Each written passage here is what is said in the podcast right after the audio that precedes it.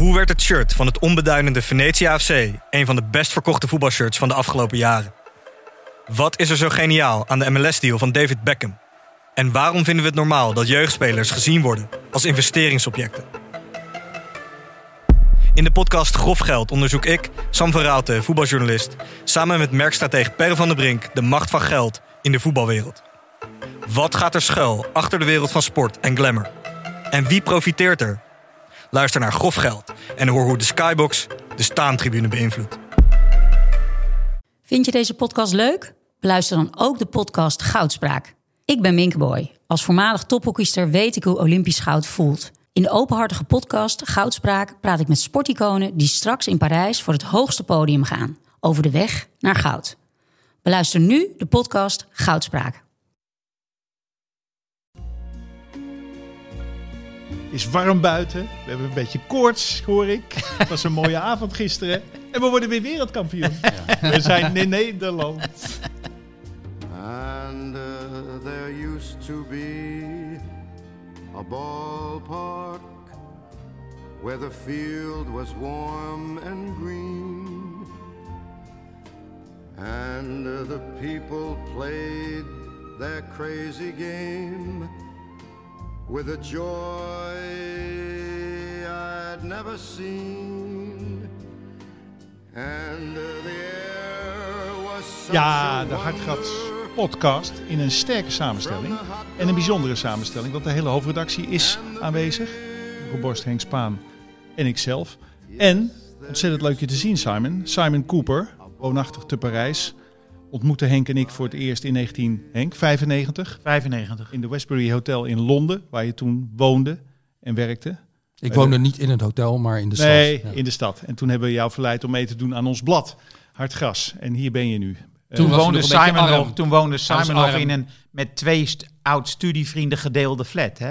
Ja, ja. Zo Met in jouw eh, schamele kamer lagen dan 1700 oude voetbal internationals die je overal mee naartoe sleepte. Ja, ik heb ze nog. Ja. Je hebt ze nog steeds. Daar heb jij veel van geprofiteerd. Ik heb heel wat quotes van mezelf teruggelezen in het Engels.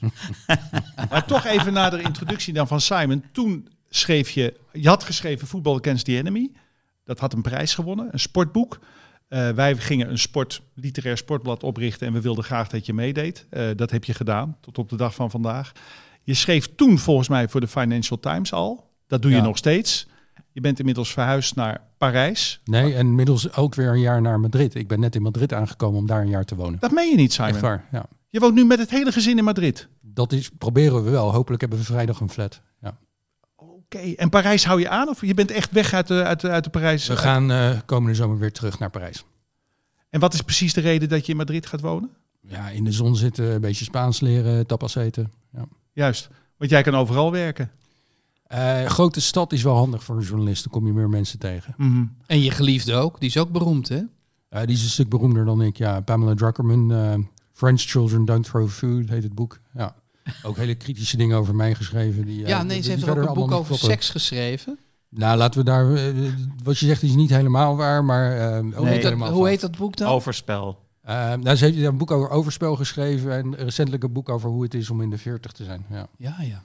Het boek over overspel, kwam je daarin voor? Of in het boek eh, over hoe het is om over de 40 te zijn? Ik kom in al die boeken voor, maar ik vind het een beetje karikaturaal neergezet. Dus ik ben een stuk indrukwekkender en eh, ja, volwassener dan je zou uit haar boeken, dat- dat je dat zou denken. Maar wacht even, dus in één gezin zijn er twee schrijvers. En dan heeft de ene schrijver kritiek op de andere. Dat raakt natuurlijk ook aan het persoonlijke. Eh, is zij dan ontvankelijk om eh, iets te herschrijven? Nee, nee. Eh, zij zegt, zo was het gewoon. En ik zeg, ja, zo was het misschien, maar... Voor de, voor, de, voor, de, voor de luisteraars naar deze podcast die denken... God, die Simon Cooper spreekt voor iemand die eh, in Londen woonde... nu in Madrid en in Parijs wel verdomd goed Nederlands. Oeganda geboren. in Oeganda geboren, eh, in Zuid-Afrika gewoond. Eh, dat komt eigenlijk, Simon, toch maar even... dat je een aantal jaren je middelbare school stond in, eh, in Oestgeest. Is het niet? Ja, helaas. Ik heb daar een fout in gemaakt. Eh, ik had naar een andere school moeten gaan. Maar inderdaad, ik zat op het Rijnlands Lyceum Oesgeest. Maar ik ben al 35 jaar weg uit Nederland. Ik vind dat ik beter Nederlands spreek dan de meeste Nederlanders die niet meer in Nederland wonen. Ja, ik denk dat ik dat Nee. wel met je eens ben. We gaan natuurlijk praten over jouw boek over de club Barcelona. eh, wereldwijd verschenen. Zijn er al goede recensies binnen, Simon? Ja, goede recensies, eh, NRC, The Times, The Financial Times. Dat heeft niks te maken met het feit dat ik al 25 jaar voor die krant schrijf. Ehm The Economist, ja. ja het, ehm, maar Nee, zijn Simon, heeft, eh, van- Simon heeft gisteren of vandaag getwitterd dat de schrijver van de gunstige recensie in de Financial Times komt van buiten de Financial Times. Hij vond het nodig om dat even kenbaar te maken aan de wereld. Ja, wij zijn in Nederland natuurlijk wel bekend met nepotisme. Als je een NRC-journalist bent, word je in die krant meestal wel goed besproken. Is dat bij de Financial Times echt een wet dat dat dan zo geregeld wordt voor de, voor de, voor de lezers dat iedere schijn van belangenverstrengeling vermeden wordt? Nou, die, die schijn is heel moeilijk te vermijden. Want lezers die schrijven dan onder een stuk... Ja, toevallig hè, dat hij ook voor de Financial Times schrijft... dat jullie dat boek leuk vinden. maar eh, we proberen dat inderdaad... Dus het is niet een staflid die over een ander staflid schrijft. Oké, wat is de meest memorabele zin die je in een recensie bent tegengekomen? Mag ik dat citeren? The Times Best Football Book of 2021. Oké, kort en krachtig. Maar Eh, dat, het, is, het is nog niet voorbij, hè, het jaar. Zeker niet. Nee, er kan nog iets beters Maar hij wist, hij wist het dus al. Eh, Eh, Deze aflevering, Matthijs, Ja. die is mogelijk gemaakt door Toto. hè? Uiteraard, Speelbewust, 18 plus. uiteraard. En dat betekent dat als je jonger bent dan 18, Ja. mag je niet aan de toto meedoen. Nee. Heel goed dat je er even bij zegt. Ja. Nee, hadden we misschien iets eerder moeten melden. Maar het is nu, het is nu gezegd. Eh, de wedstrijd van gisteren, be- behandelen we die of niet? Uiteraard. Uiteraard. Zo, Zal ik het- ik- ja, nee, dat maar- was toch geweldig. Zo de mythes, hé. Heb- hebben we allemaal oes en a's Ja. uitgekraamd. Oh, jongens, ik lag, ik woon, zoals jullie weten, ik woon echt buiten. Dus ik zat ook buiten. En ik heb gekeken of mijn tv zo danig kon worden gemanoeuvreerd dat ik buiten kon blijven zitten. Dat lukte. Dus de vogeltjes floten, de, de avond viel, het was zwoel, het was, de koeien gingen van het land. En daar was die wedstrijd, zeg. Ja. Henk, hoe, waar heb jij gekeken? Eh, om een kleine werkkamertje. Maar mijn vrouw moest komen al na één minuut, want die dacht dat er iets met mij aan de hand was. Wat, wat, wat, Ik schreeuwde. Wat zagen we? Ja, ik Wil jij schreeuwde. het even beschrijven? ja, Henk beschrijft de wedstrijd. Wat we zagen was dat eh, uiteindelijk eh Wijnaldum na een scrimmage de bal veroverde, heroverde. Ja, in samenwerking met Berghuis Ja, dat eh Dumfries en Dumfries. die bal weer verloor. Dat hij per ongeluk bij Berghuis terecht kwam. Dat Berghuis pa- eh, Davy Klaassen aanspeelde. Door de benen van iemand. Heel goed deed hij dat. Klaassen tikte op Wijnaldum. Wijnaldum tikte door. En Klaassen, technisch volmaakt, Ja. prikte hem in de verre hoek. Waarmee eigenlijk eh, ja, de toon was gezet. Het, het zou een eh, prachtige wedstrijd worden en dat werd het ook. Ja, en, en eh, gelukkig maar, want de, de Van Gaal-haters, ze, bij- ze zijn bijna niet meer, eh, ze bestaan bijna niet meer. Zijn Die- niet meer onder ons. Nee, die, die zeiden van, oh, als hij maar niet gaat claimen dat hij dit heeft ingestudeerd. En dat deed hij niet. Nee, Hij ja. zei zelfs nadrukkelijk, dit kun je niet instuderen. Nee. Dit was gewoon briljant. En wat is die Davy Klaassen goed zeg. En wat is die afgelopen zomer genegeerd Ja. door eh, Frank de Boer. Ja, het is, eh, het is jammer dat we moeten constateren dat Frank gewoon sommige dingen niet ziet. En dat één daarvan is eh, de, de effectiviteit van Davy Klaassen. Nou, hij, hij ziet wel meer niet, want dit is toch een verschil van dag en nacht. Ik bedoel, waar moet je beginnen? Kunnen we eigenlijk wel stellen dat voetbaltrainer zijn een vak is? En dat Van Gaal misschien de beste is. De allerbeste. En dan kijk ik toch even opzij, Matthijs, want jij hebt het misschien niet gezien. Studio Voetbal heeft ook niet zoveel kijkcijfers meer. Ehm, Simon Cooper zat daar om zijn boek te promoten. En kwam al aan het begin van de uitzending eh, uit de bocht vliegen met een quote over Van Gaal. Wat zei je precies, Simon? Nou, ik zei, hij was inderdaad de beste. Maar die man is een paar jaar gepensioneerd geweest. Het voetbal evolueert. Het voetbal van nu is beter dan het voetbal van twee jaar geleden. Je moet het wel bijhouden. Dus ik vind het een zwaktebod om iemand aan te stellen die uit zijn pensioen komt om het weer te doen. Ja, sta je daar nog achter? Ja, natuurlijk sta ik daarachter. Het is blijkbaar fantastisch. Je wint met 5-0 van Turkije. Proficiat. 6-1. Ik ben ook heel blij. 6-1, precies, dat zei ik. maar we hebben Turkije op het EK gezien als eh, een van de allerslechtste ploegen van het EK. Nederland moet wel op een hoger niveau mikken. Ik bedoel, Van Gaal is een hele goede trainer nog steeds. Je hebt een elftal dat veel beter moet zijn dan Turkije. Maar als je het Europese topniveau nastreeft, dan moet je een coach vinden die daarbij past. Ik zeg het nu iets heel revolutionairs. De bondscoach moet de beste trainer van Nederland zijn en anders moet je die uit het buitenland halen. Dus vind het al sowieso al raar dat je Frank de Boer aanstelt. Je zegt, Frank, je hebt overal gefaald, je mag bondscoach worden. En nu doen we iemand die net pensioen eh, heeft genomen. Nou, je kunt wel zeggen dat de mannen van de KNVB, toen ze Frank de Boer aanstelden, eigenlijk ons een EK-titel door de neus hebben geboord. Die mannen zitten er overigens nog steeds. Maar die analyse hebben we toen toch ook gemaakt met z'n allen? Ja, zeker. Maar Iedereen nu, weet- krabt nu het weten we toch het zeker. oren? Nu Ja. weten we het zeker. Dat klopt. Simon, ik hoorde jou een hele merkwaardige zin zeggen. Het voetbal wordt altijd maar beter. Het voetbal van nu is beter dan dat van twee jaar geleden. Wat Wordt leuk, jij wordt- reageert nu als van de vaart. Als door een adder gebeten Zo. van de vaart. En die viel Simon aan. Dus jij zegt eigenlijk nu hetzelfde als wat eh, Raffi eh, deed. Ik weet niet of het om dezelfde opmerking gaat van Simon, maar wordt het voetbal alsmaar beter en is het voetbal van nu dus beter dan dat van twee jaar geleden? Het wordt tactisch en fysiek beter, ja. Dus als jij de bal hebt op rechtsback, dan komen wij met z'n drieën. We snijden de paaslijnen af, je kunt nergens heen.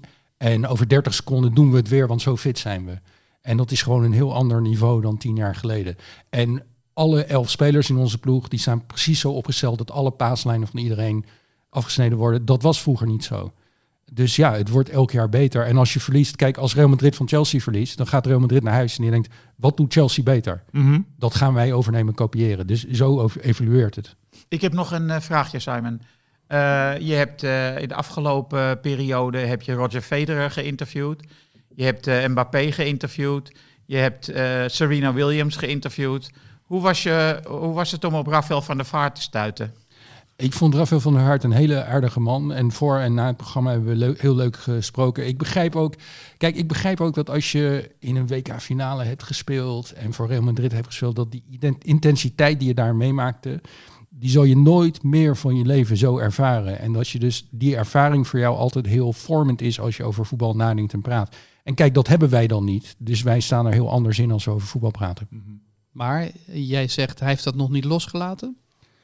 Ja, ik, Hij leeft nog in 2010. Ik denk dat het voor alle voetballers, zei Platini een keer, hij zei, als je dat allemaal hebt meegemaakt, dan is de rest van je leven gewoon een soort vage schaduw van wat je toen had.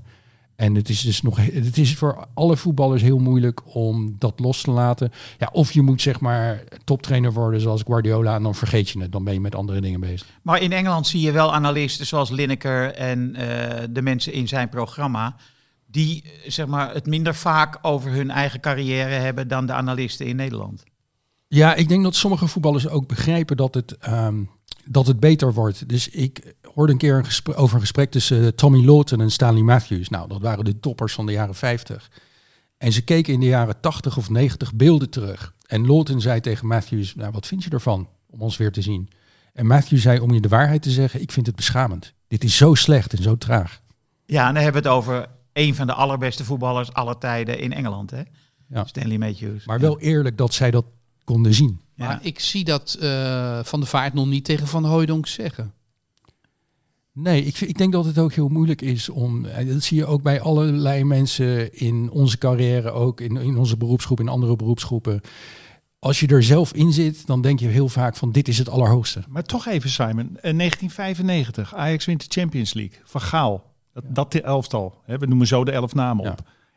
Als je het me nu zou vragen, zou ik zeggen, geweldig voetbal. Die wedstrijd toen uit tegen Real Madrid met Liedmanen. Beter kon het eigenlijk niet. Maar jij zegt nu, als we nu gaan terugkijken met z'n vieren, schrikken we ons een hoedje.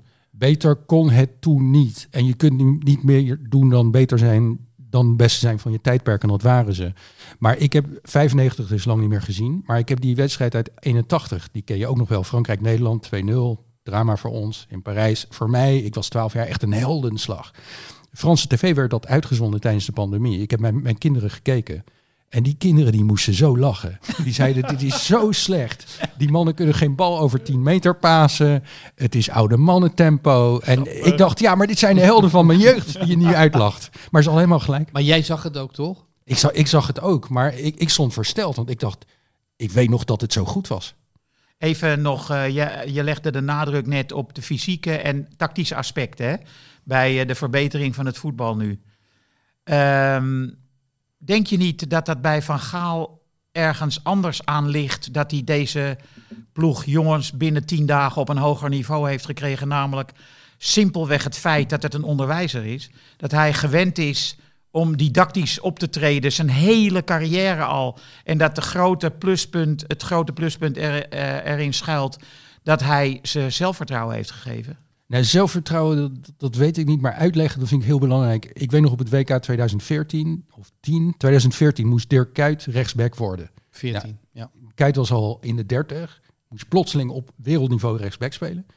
En Van Gaal wist het hem uit te leggen, van zo speel je rechtsback. Iemand als Bruno Martins Indy, we weten nu echt geen topvoetballer, maar die hield zich gewoon goed op een WK. En dat komt denk ik als je zulke duidelijke instructies kan geven, dan kan iemand ook echt aanhaken. Ja, het is dus een di- didacticus. Ja, En eh, of hij tactisch met Tuchel mee zou, mee zou kunnen, moet later in eh, Qatar bewezen worden als hij tegen de echte toplanden komt. ja. Nou, ja, maar Simon gelooft dus niet eh, dat Nederland daar potten gaat breken. Nee, als ik op het. Ik heb het EK de laatste wedstrijden zat ik in Londen. En als je dan ook een team als Engeland ziet, maar ook Italië, Duitsland, dan spelen zeg maar acht of negen topvoetballers in, in zo'n elftal. Nederland op het EK, misschien is dat nu anders, maar ik zag bij Nederland misschien zes internationale topspelers. En daar, daar, daar trek je het gewoon niet mee. Ja, ik bestrijd het toch. Ik, ik acht eh, Van Gaal. En natuurlijk kijk ik met een Nederlandse bril. En ik vind dat jij samen met een buitenlandse bril kijkt. Eh, ik acht hem in staat om juist met die didactische vaardigheden, zoals Henk ook terecht opmerkte, met het kweken van zelfvertrouwen. eh, dus ja, hij is een procestrainer. eh, dat hij daardoor extra's losmaakt. En dat Nederland, Nederland is altijd, hoort echt wel bij de laatste 16, misschien wel de laatste 8. Ik denk dat hij ze bij de laatste vier weer kan krijgen. Ja. Het kan Henk? ook omdat West-Europa domineert. Het is warm buiten. We hebben een beetje koorts, hoor ik. Het was een mooie avond gisteren. En we worden weer wereldkampioen. We zijn in Nederland.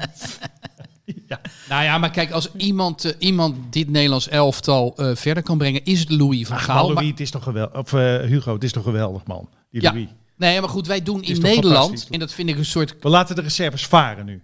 Nee, maar eh, er mag nooit een, een buitenlandse coach komen. Er is een soort eh, xenofobie bij Nederlandse voetbalanalisten. Die zeggen, wat?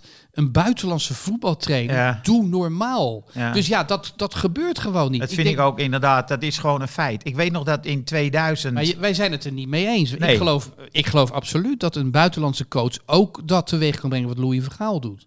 Ik weet nog dat eh, ik kwam in 2009 of in 99 kwam ik Gullit een keer tegen in de PC Hoofdstraat. En het ging over de nieuwe bondscoach. In de PC Hoofdstraat. Ja. En ging- Nou, mijn, eh, mijn dochter zat daar op school. Oh. En eh, het ging over de nieuwe bondscoach. En eh, toen zei ik eh, tegen Gullit, we moeten een buitenlander hebben. Ik, ik zat te denken aan Ancelotti van Parma. Wat? Ancelotti? Weet je wel, ik, ik, ik was gek. Ja. Ancelotti, dat was zijn eerste club, hè, Parma. Maar die haalde wel de een of andere Europese bekerfinale. En eh, het was duidelijk dat er in Nederland schaarste aan eh, ervaren goede bondscoaches eh, bestond.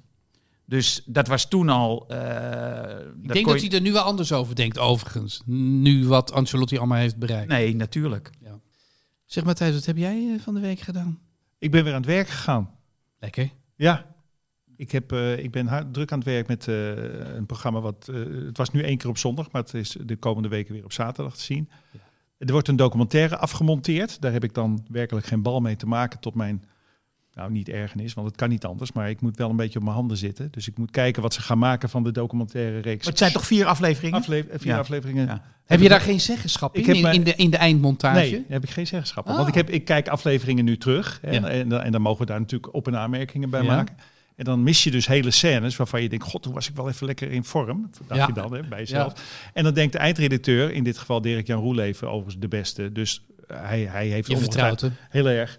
Ik was vier, weken, ik was vier weken in, eh, in, in de hoofdstad van Frankrijk. Ja, Simon. ik hoorde het vanochtend Om- van Stefan de Vries. Om Ja. eh, chansons eh, te, te, te ontdekken en te bespreken. Hou je van chansons, Simon? Eh, ik moet zeggen dat ik er niet heel diep in zit. Maar je woont wel in Parijs. Ja, nu niet meer. Nee, nu niet meer, maar heel lang gewoond. Ja, jawel, jawel, Beko, Piaf, Ja, ik begrijp van mijn kinderen dat eh, Leo Ferré. Franse muziek is rap. Barbara. zeggen zij. Wat begrijp je Wat van je nou? kinderen? En Franse muziek is, ra- is rap. Ja, de, de populaire Franse muziek is rap. Absoluut. De hitparade is allemaal her- rap. En trouwens niet de slechtste. Maar het, het gaat ons om de bel canto, zou ik maar zeggen. De, de, de belle époque. Jaren 60, 50, 60, Jawel, 70. daar, daar ben ik wel een beetje bekend mee. Maar nee, ik kan er niet over meelullen. Je kan niet een, een, een liedje nu even gewoon rustig... Voordragen. Nou, dan Ja. is hij de aangewezen man om elke vrijdagavond af te stemmen. Hoe laat, eh, Matthijs, Nederland? Ja, Twee? Nederland Één? 1 dacht ik Één? zelfs, ja. Hoe Ja, laat? Vanaf zee, ik weet geen idee.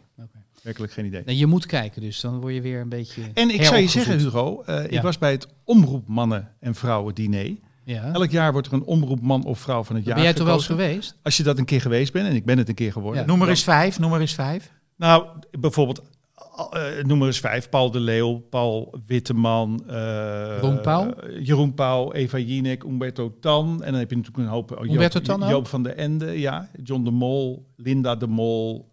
nou goed, alle- En die waren er allemaal. Nou, je mag altijd komen. En de ene keer zijn er meer mensen dan de Ja. andere. Het ligt een beetje aan of iedereen kan. En soms is degene die het geworden is niet je beste vriend. Weet ik veel hoe dat allemaal En dan werkt. ga je niet. Dan ga je misschien niet. Nu was het heel erg rustig. Dat had geloof ik ook iets met corona te maken. Of met Maar wel, Frans Klein? Of met Frans Klein, want die werd, die werd het. En dat is natuurlijk de baas van de publieke omroep. Het was, Ja. Van de commerciële was alleen boven Erve Dorens er. Ehm, en eh, ik zat tegenover Gerard Timmer. Dat is inmiddels de baas van de NOS. Dus ook de baas van eh, Studio Sport en noem maar op. En dat was ooit mijn baas bij de VARA. En die was ontzettend enthousiast over deze podcast. Dus ik feliciteer onszelf even met een, eh, met een luisteraar. Bij die, deze eh, gedaan? Wat ja, goed. ja die, was, die, eh, die luisterde altijd. Had ook, eh, wist ook precies, kon ook allemaal no- dingen noemen die hij echt leuk vond. Dus eh, nou ja, steken we even in onze zak. Zo. dacht Ik. Omroep top. Ik ken hem nog, eh, Gerard. Omroep top luisteren. Vroeger was hij de assistent van Jaap Hofman. eh, in het productiebedrijf van Veronica. Ik ben vergeten hoe dat heette. Oh, dat zou kunnen. Ja. Hij is ooit omroep Toen ging hij naar. BNN, weet Klopt, je wel? Ja. omdat hij samen met Bart de Graaf BNN heeft Ja, opgericht. ja. eh, tot, een, eh, tot een volwassen omroep. En toen heeft hij die titel gekregen. En we namen natuurlijk afscheid van Peter R. de Vries. Die er was er ook altijd. En die Ja. spietste altijd als allereerste. Oké. Want elke oud-omroepman of vrouw die aanwezig is, speecht voor de nieuwe laureaat. Ja. Dus soms zijn er wel 20, 25 speeches. Jezus. En eh, dat waren er nu acht of negen. En eh, Peter Blaas, eh, ja, die, eh, die was altijd de eerste. En hoe werd Dus dat die stond eh, even. uitgeluid? Hoe ging dat? Door mij eigenlijk. Omdat ik bij die herdenkingsdienst was geweest en daar iets over kon vertellen over zijn... eh, heb je dat uit je hoofd gedaan of heb je het uitgeschreven? Nee, dat deed ik uit mijn hoofd. Ik was het ook eigenlijk helemaal niet van plan, maar het ging even over PTR. We namen een minuut stilte. En toen ging het even over hem. En toen dacht ik, ja, maar ik was daar bij die herdenkingsbijeenkomst. Daar kan ik iets over vertellen wat veel over hem zegt. Dus toen stond ik op. Toen zei ik, nou, dan ga ik in zijn schoenen staan. Hij stond altijd als eerste op, dan ben ik dat nu. En toen heb ik eigenlijk niet eens zoveel over Frans verteld, Frans Klein, maar meer over PTR. Ja. Mooie avond was het. Mooie avond. Maar waarom krijgt eh, Frans Klein hem? Frans Klein krijgt hem omdat hij, hij kreeg hem eigenlijk al toegekend anderhalf jaar geleden. Omdat hij toen had als architect werd gezien van het programma Op 1. Dus Eva Jinek en Jeroen stopten. Ja. Op 1 werd een, een eh, nu zouden we misschien zeggen een ratje toe. Maar toen was het een vondst om steeds twee presentatoren per avond eh, te programmeren. Iedereen zei van tevoren, nou ja, laat alle hoop varen. Eva Jinek gaat er met de buit vandoor. Maar dat is ook wel wrang. En dat was niet zo. En toen kregen ze, eh, omdat het best wel een vondst was en hij niet voor grote sterren meer kon kiezen, want die waren er niet, koos hij voor steeds setjes. Volg je me nog, Simon? Ja, ja, ja. Oké. Eh, eh, koos hij steeds voor setjes. En dat was toen inderdaad even een succes. Dat Het was even een succes, maar eh, is het niet achterhaald? En is dat nog benoemd dat het nu ter discussie staat? Ja, dat is wel benoemd. Ik geloof dat Bo, die had de meest filijne speech. Is ook een beetje, het mag ook een beetje een roast Ja, ja. zijn, hè? want we zijn Oh, als ja. vrienden onder elkaar, zou ik maar zeggen. En die stipuleerde wel dat dit moment van uitreiking nu niet de gouden eeuw van het programma op één is. eh laat ik het zo maar even zeggen. Ja, Nou, ik wil, ik wil wel even met Simon over het boek praten. nou eh, kom maar op. Heb, heb jij het al... FC eh, Barcelona, nee. het Imperium. Ja, Ja, ja, even, ja waarom, zeker. moet. Matthijs, waarom moet Matthijs het eh, gaan lezen? Wij, wij- maar wij weten natuurlijk al dat jij de best ingevoerde eh, journalist bent. Ik heb jou tegen Van der Vaart, ik, ik had eh, Van der Vaart op de app. Ik zei, weet je wel, Rafael, dat jij kritisch was tegen de Messi onder de Nederlandse voetbaljournalisten.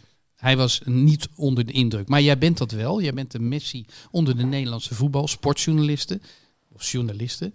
Ehm, Klopt helemaal, maar ik ben geen Messi, ik ben geen Nederlander, ik ben geen sportjournalist. Oké, zou je jezelf dan weer even willen introduceren? ja, lekker Matthijs. Ook een glaasje water voor eh, mij. Lekker.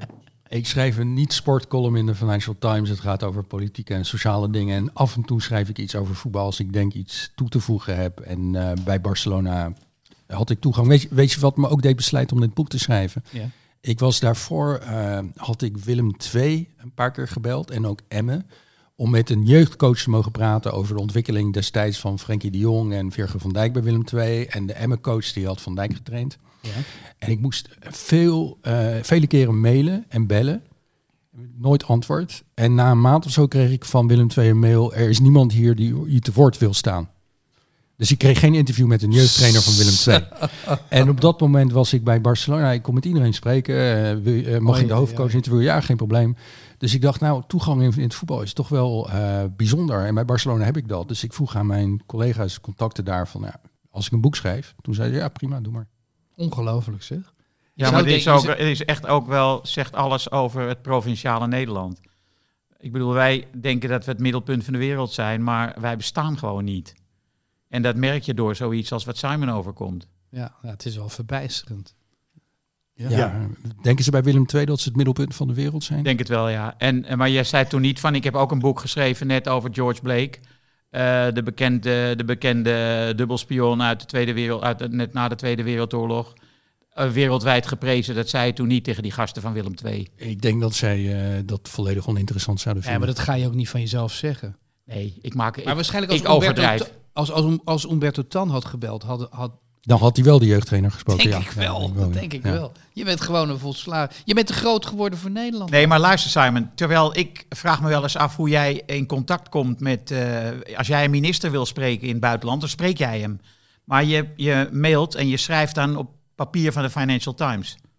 Dat scheelt natuurlijk wel. Hoewel dat in Tilburg bij Willem II ook Nee, niet zou nee, dat- zeggen. Dat, zou ze helemaal niet maar zeggen. nee. wel bij het departement van justitie in Duitsland of zo, als je daar een gesprek mee zou willen voeren. Ja, kijk, in de politieke wereld, als je zegt, eh, ik ben van de Financial Times, wij willen jou spreken, dan kan dat in, in de politiek of een schrijver of een kunstenaar altijd meteen. ja. Eh, maar nee, in Nederlandse voetbal kom je daar niet mee de, het jeugdcomplex in. Is Nee. dat nou niet echt? Dat, ik vind het toch eigenlijk wel zo treurig, weet je wel. Dat, dat gebrek aan ontwikkeling in Nederland. Het is toch iets verschrikkelijks. Nee, maar, Ze zijn gewoon bang, denk nou, maar ik. zijn ze bang of zijn ze te lui? Want wat kan er nou gebeuren als ik 15 minuten met een jeugdtrainer van die club telefoneer? Is dat zo moeilijk op te zetten? En Ja, wat je- kan er misgaan? Simon, ik ben Kamp Simon, begrijp me goed. Nee, maar, maar- ze- maar- ik probeer maar- na te denken. Ze zijn waarschijnlijk bang. Ze vinden die reputatie te groot. Ze Nee, ze, misschien... ze, nee, ze hadden ze nul, kennen hem helemaal nul, niet, nul, Maar het is wel goed dat dit uiteindelijk een wraakoefening op Willem II en Emmen is geworden. Ja, ja. En dat de wereld eh, rijker is geworden met een boek over Barcelona.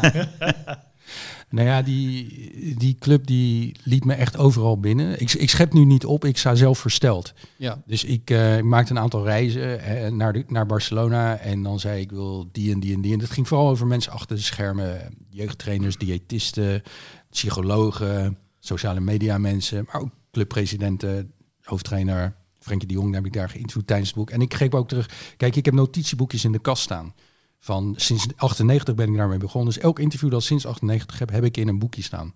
Ik weet, jouw archief is 210 boekjes rijk, toch? Ja, zoiets, ja. Ja. Dus toen ik begon, toen dacht ik, nou, ik ga al mijn oude boekjes bekijken. Want ik heb een interview met Neymar staan. Ik heb een interview met Gerard Piqué, met Boudewijn Zenden. Al die mensen die destijds bij Barcelona speelden. En dat maakt zo'n boek rijker. En dat is ook een voordeel van ouder worden als journalist. Dat je op een gegeven moment heb je zelf een soort archief.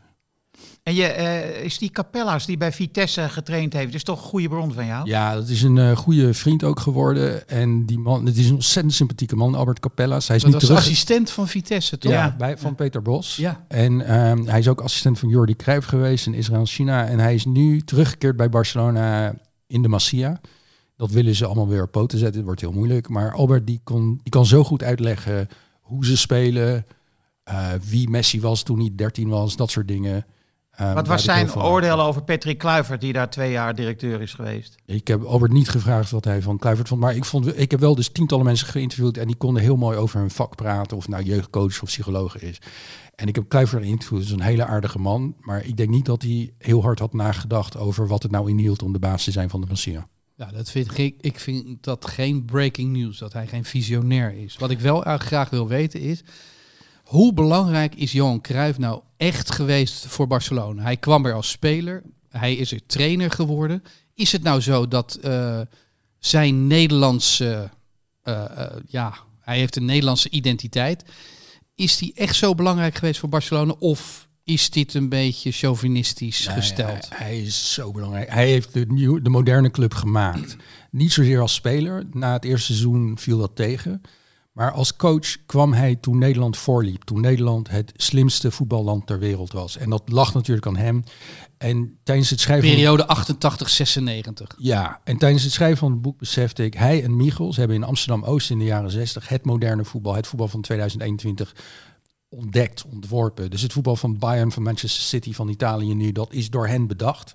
En dat is wel gemoderniseerd. Maar zij hadden gelijk. En de Britten hadden, zagen het niet. En de Brazilianen zagen het niet. En de Italianen zagen het niet. Cruijff zag hoe voetbal gespeeld moest worden. En Barcelona liep heel lang voor, ook op jeugdopleiding. Omdat zij de modernste Nederlandse ideeën hadden. En ik heb met Bartomeu, de voormalige president, Laporta, huidige president, van dit soort gesprekjes. En ik zei, ja, ik ben gevormd door het Nederlandse voetbal. Daar hield ik van als kind. En zij zeiden, ja, dat had ik ook. Want toen ik tien was, toen werden we kampioen met Cruijff. En Ja. ik ben sindsdien Nederlandse voetbalfan. Dus, dus, dus hadden, iedereen die daar zit, heeft heel erg het gevoel zelf dat het een Nederlandse club is. Dat is nogal wat. En eh, ik eh, staat of in jouw boek of ik las het in een recensie. Dat eh, er stond een zinnetje van de bijna obsessieve drang tot innovatie van Cruijff. Was dat een zin van jou? Of Ja, zoiets heb ik geschreven. Kijk, Cruijff die, die ging zich vervelen. Die, die moest een beetje wakker blijven als coach. Want ja, hij zat maar op de bank en ja, hij vond het voetbal minder interessant worden. Dus hij ging radicaliseren aan het einde. Dus Cruijff die zei, ja, ik ga geen keeper meer opstellen. Ik ga gewoon een verdediger handschoenen aantrekken. En, en, en die mag achter zijn man spelen. En eh, zijn familie moest dan dat uit het hoofd praten. En waarom Hij kon zelf ook aardig keepen hè, op die manier. Ja, maar hij, hij wilde dus nog radicaal, dus niet, niet eens een jong Wie moest het uit zijn hoofd praten? Eh, z- zijn gezin, die, die zei... ja, Danny eh, en- Johan, en dat- Jordi. Ja, Maar dit heb ik nog goed. nooit gehoord. Is dit een primeur in jouw boek? Want ik heb je boek nog helaas nog niet gelezen. Het is Nee, net nee, uit. ehm, ik weet niet waar dat eh, precies vandaan kwam, maar ik heb elke bron vermeld in mijn boek. Ik heb, ik heb tientallen pagina's voetnoten. Wat hij ook had is... ehm, hij zei, we gaan gewoon met drie verdedigers spelen en waarvan er twee niet kunnen lopen. Koeman en Guardiola. Ja. En toen ze- hij zei, dan zeggen mensen tegen me, en als het fout gaat, en dan zegt Cruijff, ja, nou en? Want het kon, het kon hem gewoon niet meer zoveel schelen aan het eind. Hij werd het laatste, laatste Hij liet het lopen. Maar dat is ook niet erg visionair. nou, het is wel experiment met het radicalisme van hoe ver kan je gaan? Heb je verdedigers nodig? Moeten ze kunnen rennen?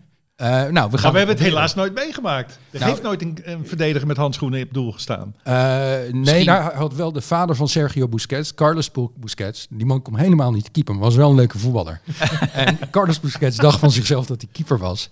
Dus die, die, die speelde dan in een lange broek als keeper en liet ballen door zijn handen. En ehm, iedereen zei tegen Cruijff, dat kan niet meer, Busquets op doel. Nou, voor Cruijff was dat de reden om te volharden met Busquets op doel. Want als iedereen zei dat het, dat het niet kon, Ja. dan, dan moest het van Cruijff. Het goed zeg. Jij zegt, ik heb allemaal voetnoten. eh, we kunnen alles, hè? alles is uiteraard Ja, ja. bijna wetenschappelijk gedocumenteerd. Toen wij met Hartgras begonnen in een van onze eerste jaren, toen was jij er al. En toen was ook jouw collega van de Financial Times, Jimmy Burns, in ons uh, De legendarische Jimmy Burns. De legendarische Jimmy- hoofd van de Anglo-Spanish Society. Ja. Oh, dat wist ik niet eens. Maar ja, die woonachtig in Sietjes. Deels. die woont in Sitges? Ja, hij woont, hij woont in meerdere plaatsen. Ik zei tegen hem, je hebt drie huizen. Hij zei, nee, ik heb er vier. maar Jimmy Burns toen schreef ook een boek over Barcelona. Ja, hij vindt het niet heel erg leuk dat ik dat ook heb gedaan. Hij denkt dat het een soort imitatie is. Dus, eh, Maar goed, dat was echt lang geleden, dus er is inmiddels veel veranderd. Maar ik weet nog dat ik hem bij puur toeval tegenkwam bij dat grote café Zurich, heet het Ja, Zurich? ja, het weet je vlak voor de Ramblas. En daar zat hij toen, jij weet wel met wie Henk, met een hele oude Barcelona-icoon. En ik kon dat niet thuisbrengen. Dus hij zei tegen mij, ik zit met, en ik ben nu de naam dus kwijt. Kubala? Ja, ik denk Kubala. Ja, hij zat met zo'n man, hij zegt, ik zit met hem. En eh, dat was werkend aan zijn boek. ja. Jimmy kent iedereen. Toen hij een boek over de paus schreef, presenteerde hij hem ook aan de paus. Dus, dus op het Pietersplein heeft hij een foto van zichzelf die met Franciscus in discussie is. En Franciscus denkt natuurlijk, wie is deze zwerver? Want zo zag hij eruit. Zo zag hij eruit, ja. Maar het is wel de beste promotievoetbal eh, foto die ik ooit van een boek heb gezien. Nou, ongelooflijk. Ja. En hoe is het nu met hem? Nou ja, hij is een beetje jaloers, eh, maar is wel hoofd van de Anglo-Spanish Society. En als je het blad van de club leest, dan staan er op elke pagina foto's van de president. En het grappige is, Simon, jij hebt nu net een boek over een eh, spion geschreven ook. George Blake. Maar Jimmy, zijn vader, was spion, hè? Jimmy zijn vader was spion in Madrid. Madrid was echt het spionnencentrum van de Tweede Wereldoorlog. Ehm, en Jimmy zijn vader, de, maar de baas van Jimmy zijn vader was helaas Kim Philby. En dat was een dubbelspion. Dus alles wat Jimmy zijn vader heeft gedaan is volledig zinloos geweest. en is meteen doorgebriefd aan Moskou. Wat verdorie. Maar als, als ex-katholiek eh zul je dit leuk vinden. Jimmy's vader had de scoop van Vaticaan II in 1963. Ja. En dat is waar ze Latijn weggooien en de hele kerk Ja. weggooien. En een bisschop had tegen Jimmy's vader gezegd, nou, dit gaan ze doen. Dus Jimmy's vader was inmiddels journalist en die schreef het allemaal op. Dus hij heeft Vaticaan II gescoopt. Zo. In welke krant schreef je dat? Eh, De Tablet, dat is een Britse katholieke krant. Zijn beste vriend was ook Graham Greene. Dus Jimmy's vader en Ah. Graham Greene, dat waren eh, ja, buddies. Ja. Zit Dan kende die Evelyn Waugh ook natuurlijk. Ja, Evelyn Waugh schreef over de moeder van Jimmy minder vlijende teksten. Die Oh ja? heeft Jimmy Ja. mij een keer laten zien. Oh ja. Ja, eh, short, swarthy, dus donker, Japanese looking, schreef Evelyn Waugh. Nou, dat moeten van de fiancé destijds van, van Jimmy's vader. Er zit, er zit een boek. de- Jimmy moet zijn autobiografie schrijven. Ja, het wordt alleen heel warrig, want ehm, je weet nooit op welke volgorde dingen zijn gebeurd. Dus eh, ja. Oh man, wat een verhaal. Hey, eh, jij, eh, ik, vond het wel, ik vind het wel sportief van je dat je Cruijff zo verschrikkelijk veel credits geeft in je boek. Want eh, je had wel een conflict met hem op zeker moment. ja, ook geleerd aan hard gras. Ik Ja. had hem voor de Observer geïnterviewd. Dat was op zich heel aangenaam bij hem thuis. En maanden later schreef ik een hard gras van hoe het was om ons aller jeugdidool te ontmoeten. Nou, en hij dacht, nou, van hard gras heeft Simon miljoenen verdiend. En, ehm, en eh, nu zit hij in Zuid-Frankrijk sigaren te roken met die Spanen van Nieuwkerk.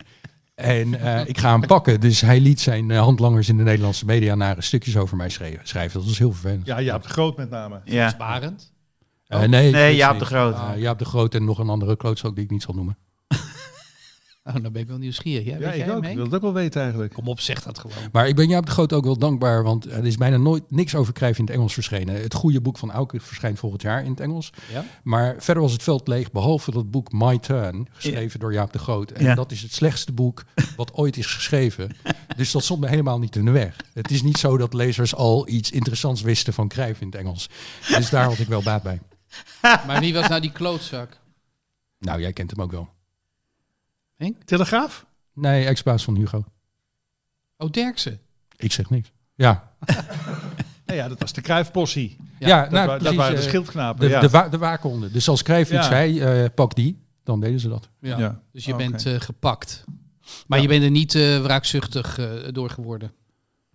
Nee, Of want heb, je, of, of, heb je nog, of heb je nog wel eh, haatneigingen? eh? Ehm, ik probeer gehad. dat allemaal achter mij te laten. Gelukkig woonde ik ook niet in Nederland, dus ik woonde op dat moment in Londen. Dus ik ging met mensen om die, eh, die dat allemaal niet. Nee. Eh, Simon, ik, ik bedacht nog iets. Eh, op het einde van je boek, wij publiceren eh, voor in de volgende Hartgras. Eh die Dus over, eigenlijk publiceren wij een klein beetje na. Maar een, over een week of na- drie verschijnt. De, de napublicatie, ja. Eh, je slothoofdstuk is 10.000 woorden over Messi. Wij eh, mochten daar 6.000 woorden van publiceren. Eh, de laatste zinnen zijn waar Messi vertrekt. eh, iets dergelijks. eh, is het zwart? eh, ja dat, dat zei een clubbestuurder tegen me. Hij zei, na Messi zie je de woestenij, zie je donker. Ja, We- Messi heeft dus de club, behalve, behalve Johan Cruijff, heeft Messi als voetballer de club eh, groot gemaakt. Eh, en in wezen door de perverse salarissen de club ook te gronden gericht. Zie je in dat opzicht parallellen met, eh, met wat Cruijff bij Ajax... Cruijff heeft Ajax tot de grootste club van een van de grootste clubs van Europa gemaakt. En tijdens de revolutie dreigde het eigenlijk allemaal een beetje te worden, te worden afgebroken. Is dat net zo'n soort rol of is dat heel anders? Mm, nou, wat, wat Cruijff, wat ik bij het Barcelona-boek heb geleerd is... je moet nooit terugkijken in het voetbal. Je kunt nooit teruggaan naar de goede oude tijd. En dat wilde Cruijff in 2011 met Ajax. Van, eh, we gaan het zeg maar op zijn jaren 70 doen... en de rechtsbijter moet een rechtsbeen zijn en dat soort dingen. Ja, Maar het voetbal vernieuwt zich steeds. Dus je moet steeds naar voren gaan. En bij Barcelona zijn, hebben ze zich niet meer vernieuwd. Dus ze proberen nog het voetbal van vroeger te spelen. En Guardiola, die, die staat daar dus heel anders in. Guardiola denkt, je moet elk jaar verder. Je moet een nieuwe trainer worden. Ik ga naar New York, ik ga mezelf vernieuwen. Ik ga naar Bayern München, ik ga van Duitse voetbal leren. En zo, kan je, zo heeft Guardiola 15 jaar aan de top gebleven, is hij, is hij gebleven. En dat kon Cruijff niet. Cruijff hield in 96 op met nadenken over voetbal. En in Barcelona zijn ze rond 2010 opgehouden. Simon, in elk boek stel ik me zo voor, eh, zo'n non-fictieboek, zo'n zo'n klus als jij nu eh, hebt aangepakt, is er altijd een lijntje wat je net niet rondkreeg. Een vraag die je net niet beantwoord kreeg. Een persoon die je net niet kon spreken. Zodat het nog mooier... Het is nooit Ja. af namelijk, denk ik. Op een gegeven moment zeg je punt en dit is het. Is er zoiets bij dit boek waarvan je denkt... ja, als dat zou kunnen... Ehm, aan de ene kant Pep Guardiola. Dus ik heb een vriend die, die appte Guardiola van ja, Simon maakt dit boek, wil je hem spreken? En Guardiola mailt terug, ja prima, hier is mijn mailadres. Maar op, dat was in november en ehm, City had toen problemen, die kwakkelden, die stonden achtste of zo. Dus ik mail Guardiola drie keer heel beleefd van meneer Guardiola heeft toegezegd, et cetera. Dus nooit antwoord gehad. Dus ik denk dat hij dacht van ja, leuk. Maar toen dacht hij, nu heb ik het te druk. Dus hopelijk komt dat er nog van. Ja, Bij de nieuwe editie. De ja, misschien. aangepaste versie. De aangepaste versie beslaat ook de, het vertrek van Messi. Kijk, het is heel raar. Het fragment, het eerste fragment van het boek verscheen in de Financial Times op 5 augustus, die ochtend. Die middag kreeg Messi te horen, tot zijn verrassing en tot mijn verrassing, dat hij weg moest. Dus dat hielp wel met de lancering van het boek. Dus ik moet die transfer nog even inzetten. ja. Ja, ja, ja. Het was wel eh, ge- publicitair gezien geweldig natuurlijk. Het doet denken aan eh, de Paus en eh, Jimmy Burns. Ja, ik zei tegen Messi, joh, we moeten wel wat losmaken rond de presentatie. Ja. Eh, kan jij niet iets doen? Ehm, waar, waar staat Barcelona over een jaar of twee, drie? Denk je dat ze nog verder afzakken? Ik denk derde, vierde. Ik denk dat Bayern München aan spelers als P3 en Frenkie de Jong gaat trekken. Heel moeilijk wordt die te behouden. Ik denk dat die spelers zich de vraag moeten stellen: wil ik mijn carrière in de subtop slijten? Maar gaat Barcelona failliet? Nee, voetbalclubs ja, die, die gaan soms failliet, maar die verdwijnen nooit. Eh, Barcelona bestaat gewoon over 100 jaar. Ze gaan ook niet failliet omdat de reglementen nu strakker zijn. Kijk, zonder die nieuwe reglementen hadden ze Messi gewoon een nieuw contract gegeven. En uiteindelijk heb je dan een schuld van 3 miljard, weet ik veel. En dan heb je een probleem. Maar nu mogen ze geen geld meer uitgeven, dan ga je ook niet failliet. Hey, jij, en, eh, jij volgt het Franse voetbal ook. Eh, ik heb mijn twijfels over de kans eh, die Messi loopt om overeind te blijven tijdens die wedstrijden. Wat denk je? Tijdens Gezien de hardheid. In Frankrijk. Ja. Ja, hij Ah, kreeg wel Messi- schoppies tegen Rijms. Eh res, zeg je dan. Maar ja, kijk, Messi, die, die, Messi redt zich altijd. Messi, Messi, Messi zal altijd top zijn. Wat ik wel had toen ik eh, Paris Saint-Germain zag vorig jaar... Dan, dan, dan liep ik weg van het stadion en dacht ik... nou, je hebt zoveel topvoetballers. Je hebt eh, Navas en Verratti en Mbappé en Neymar... en het is helemaal geen elftal. Je, het is, eh, er zit geen enkele structuur in. Dus dat, dat probleem blijft, denk ik. Je hebt drie man voorin die ook niet mee verdedigen. Dus dat wordt allemaal een probleem. Wil je nog één keer van mij eh, uitleggen hoe je Rijms uitspreekt in het Frans? Nou, ik spreek ook Frans, dat zeggen mijn kinderen met een belabberd Nederlands accent. Dus ik, ik wil jou ook niet de les leren. nee, dat Sorry. geeft niet. Ja. Nee. Res. Res. Ja. Rest zit helemaal geen M in het woord. Nee, dat, dat spreek je niet uit. Nee. Wist je dat, Henk? Sta de res. Je woont ook in Frankrijk. Wacht even, Simon het is- Cooper het- vertelt Henk Spaan hoe die Frans moet spreken. Nee, Maar als, als Simon had gezegd Paris Saint-Germain tegen Res, had jij toch gevraagd wie? Ja, dat had ik niet verstaan. Dacht ik dat hij spraakgebrek had. nee, maar ik ga, ik ga mensen geen Frans leren, want eh, mijn kinderen lachen me uit elke keer als ik Frans spreek. Dus, ja. Maar ik denk dat je kinderen jou uitleggen bij elke taal die je spreekt. Nou, mijn Engels is niet heel Oh, je slecht. Engels is goed natuurlijk. Lachen ze hun moeder ook wel eens uit? Ja, ze vinden het een beetje gênant, maar dat had ik ook met mijn ouders in Nederland. Ik, ik dacht van, ja, jullie spreken zulk slecht Nederlands. En achteraf als volwassene heb ik gedacht, god, wat indrukwekkend dat mijn ouders hierheen kwamen. En ze hebben gewoon Nederlands geleerd. Mijn vader heeft in het Nederlands gedoseerd. Dat vind ik toch erg knap. Ja. Ja, Simon, Simon, ik, ik, ik, ik, ik- sorry. Nee, nee, nee, hoor, nee, hoor, Nee, helemaal ik ben de man van lijstjes, hè? Dat is gewoon een afwijking. We het verder niet over hebben. Als jij zegt, dit, ik, ik krijg een, een prachtige kritiek. Het wordt nou al het beste sportboek van 2021 genoemd. Eh, wat is het beste sportboek? In jouw sportkast. Wat is wat, wat jou betreft het beste Eh, sportboek? eh, Ik heb ook een paar van die lijstjes gemaakt. Eh CLR James Beyond the Boundary over cricket en cultuur. Dat, dat is wel heel vormend. Eh, Nick Hornby, um, Pitch. Ook uh, Eamon Dunphy, ik was vorige week op zijn podcast, moest ik hem daar ook weer mee feliciteren. Eamon Dunphy, Only a Game, over hoe het is om een doodnormale profvoetballer bij Millwall te zijn in de jaren 70. Echt een legendarisch boek. Paper Lion van George Plimpton. En je vergeet nu de, wat je vroeger altijd noemde, het boek over eh, Wimbledon. Uh, Gordon Forbes, A Handful of Summers, ja, dat, dat is een... Ja, Mike Atherton vindt dat ook het beste sportboek aller tijden. Ik heb dat gelezen op jouw aanraden. Het is echt bijzonder grappig. Ja, het was een hele lieve man ook. Ik heb hem aan het einde leren kennen. Hij is vorig jaar met, aan corona overleden op zijn 86ste Forbes. Ja. Mike Atherton. Ik, ik volg de testmatches. Het wordt ontzettend spannend. Hè? India staat nu voor. Er is nog één testmatch te gaan. Gaat heel even over cricket, Hugo. Nee, is leuk. En Mike Atherton is een hele goede batsman. Is nu een ongelooflijk goede commentator. Er is echt, wat mij betreft, geen betere. En ik logeer graag in Italië, in Puglia, in een bepaald hotel. En wie zit er op een ochtend naast me? Michael Atherton. Niemand die hem kent, want het zijn Italianen. Dat cricket speelt natuurlijk buiten de... Heb je hem aangesproken? Nee, ik zei, ik zei tegen mijn vrouw, dat is verdomme Michael Atherton. Ze zegt, dat is niet waar, joh. Ik Ja. zeg, dus ik ging hem googelen, omdat ik even het fotootje kon laten Ja, zien. ja, en daar ja. zat hij hoor. Natuurlijk, Ja. Nee, dat durf ik niet. Nee, ik Ja. heb zelfs Charlie Watts niet aangesproken, dus Michael Atherton ook niet. Ehm, ik, heb, ik heb een nog sterkere. Ik was bij het Financial Times Festival een paar jaar geleden. En ik had met Janine Ganesh, collega, al deden we een panel over voetbal. Na afloop komt er een gozer met, met zo'n Financial Times tasje op me af. Gast. Eh, ja, eh, gewoon iemand die een kaartje had gekocht. Ja, Michael Atherton. En die wilde even over voetbal babbelen. Dus Dat wij, meen je niet? Ja, echt waar. Dus we hebben met een man of drie, vier over voetbal staan babbelen. Hij is Manchester United fan. Hij gaf zijn mening. Ik vind hem nog leuker nu. Ja, nee, was, maar kunnen we toch een keer in de podcast vragen? Als ik het zo hoor, als hij veel van voetbal weet. eh, ik denk dat hij dat leuk vindt als hij, eh, als hij over Manchester United eh, ik weet namelijk dat. Matthijs Engels is voortreffelijk.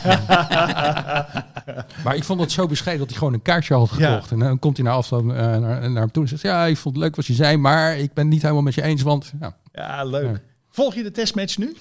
helaas niet. Maar eh, mijn vriend Ed Smith was tot een aantal maanden geleden was hij eh, chief selector. Dus eh, zeg maar de bondscoach. En ik, ik wist niet dat hij was ontslagen, omdat ik dat allemaal niet volg. Maar ik heb Ed eh, heb ik ook op een, op een Financial Times Festival geïnterviewd. Dus ik zit er een beetje in. Een beetje. Ja, ja, ja, ja. Maar je hebt toch vroeger ook gespeeld?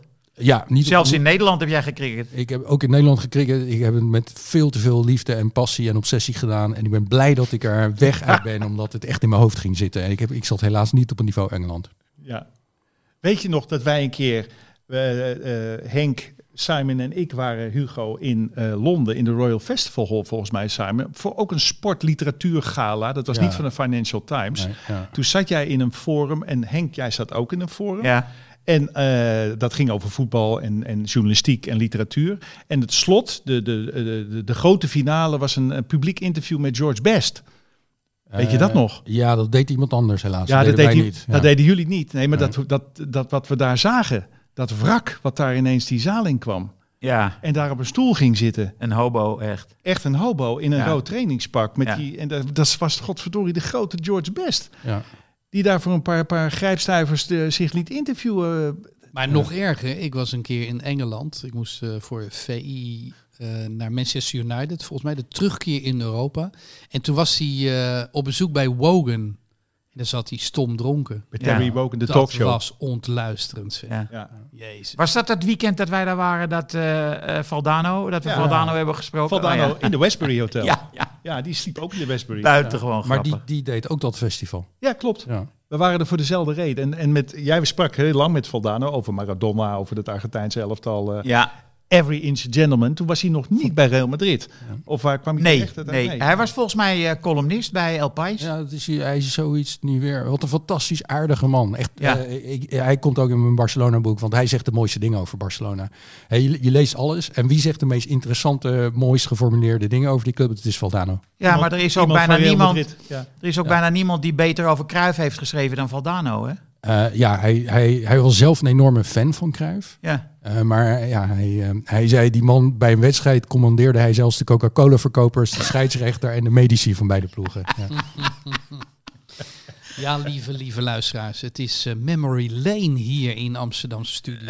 Ja, want we worden wereldkampioen. opgenomen. We zijn een goed humeur. Ja, natuurlijk. We En worden wereldkampioen. wat we ook altijd doen in zo'n podcast is eventjes voorspellen. Oh, jezus, ja, daar eh, gaan we. Ik eh, ga even snel eh, langs jullie en ik vul ook even voor Frank van der Lende in, die de volgende keer weer bij is.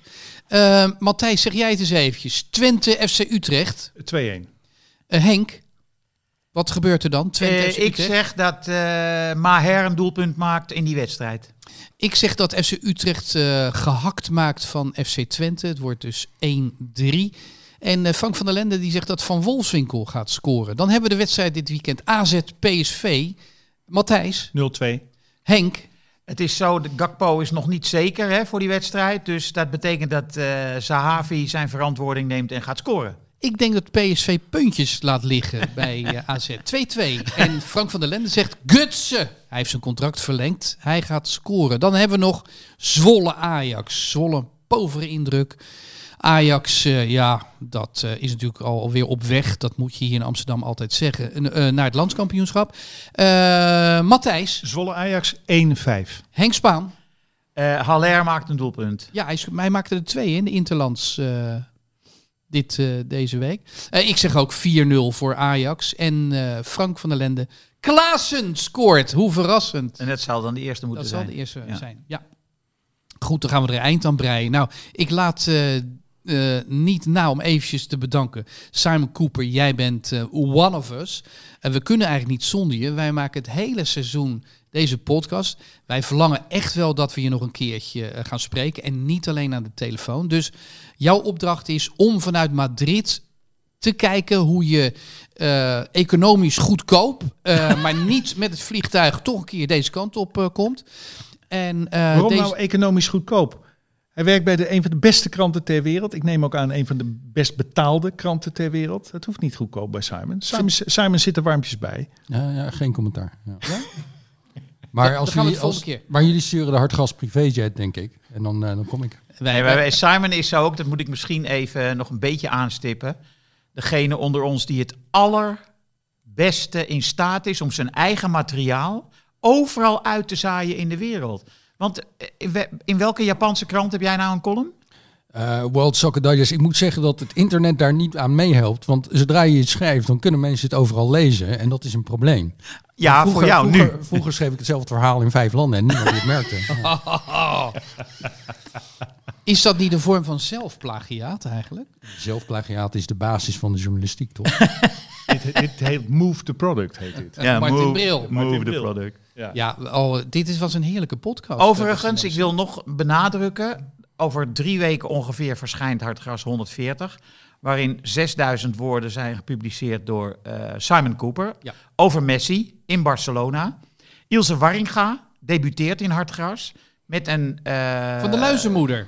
Ja, met Nee. een aantal sketches van ouders langs het voetbalveld. Leuk. Eh, Carolina Trujillo die, eh, heeft weer haar, eh, het volgende, de volgende aflevering van haar gelekte telefoongesprekken tussen Messi en Suarez. Ja, die heeft Simon Cooper niet, hè? Die gelekte gesprekken. Nee, die heeft hij Messi niet. Dat is een van de weinige dingen die hij niet, waar hij niet over Dat kon heeft hij beschikken. eventjes over het hoofd gezien. Ja, Ja. ga door. Nou, dat is het ongeveer. Ja, er is nog veel nee, meer, Henk, maar... Henk, je vergeet erbij te zeggen. Dat vind ik dan weer zo jammer. Je kunt je abonneren op deze podcast. Ja, ik ben zo gek maar je kunt om je dat ook... te vergeten. Zeg het maar je dan. kunt je abonneren op Hartgras. Dan moet je eh, naar dan? de site gaan, de papieren Hartgras. Het meest lezenswaardige sportblad in Nederland. Eh, dan moet je naar de site gaan en ik geloof dat één of twee drukken op de knop genoeg zijn voor een En als u dat doet, als u dat massaal doet, dan kunnen wij Simon Cooper een keertje transporteren van Spanje naar Nederland. Dus alsjeblieft, als u genoten heeft van deze man, van deze intellectueel, van deze Wat wordt je volgende boek, Simon? Eh, over de Britse elite. Hoe die is gevormd en hoe die is vervormd. Naar aanleiding van je stuk over Johnson in de Financial Times. Eh, een stuk over Oxford in de jaren 80 en 90. Ja. Ja, ik kan niet wachten. We breiden een eind aan. Lieve luisteraars, dank voor het luisteren. En eh, we zijn er al vrij snel weer. Dus als deze is beluisterd, dan zijn we er maandag alweer. En dan in een andere samenstelling. Yes, there used to be ballpark.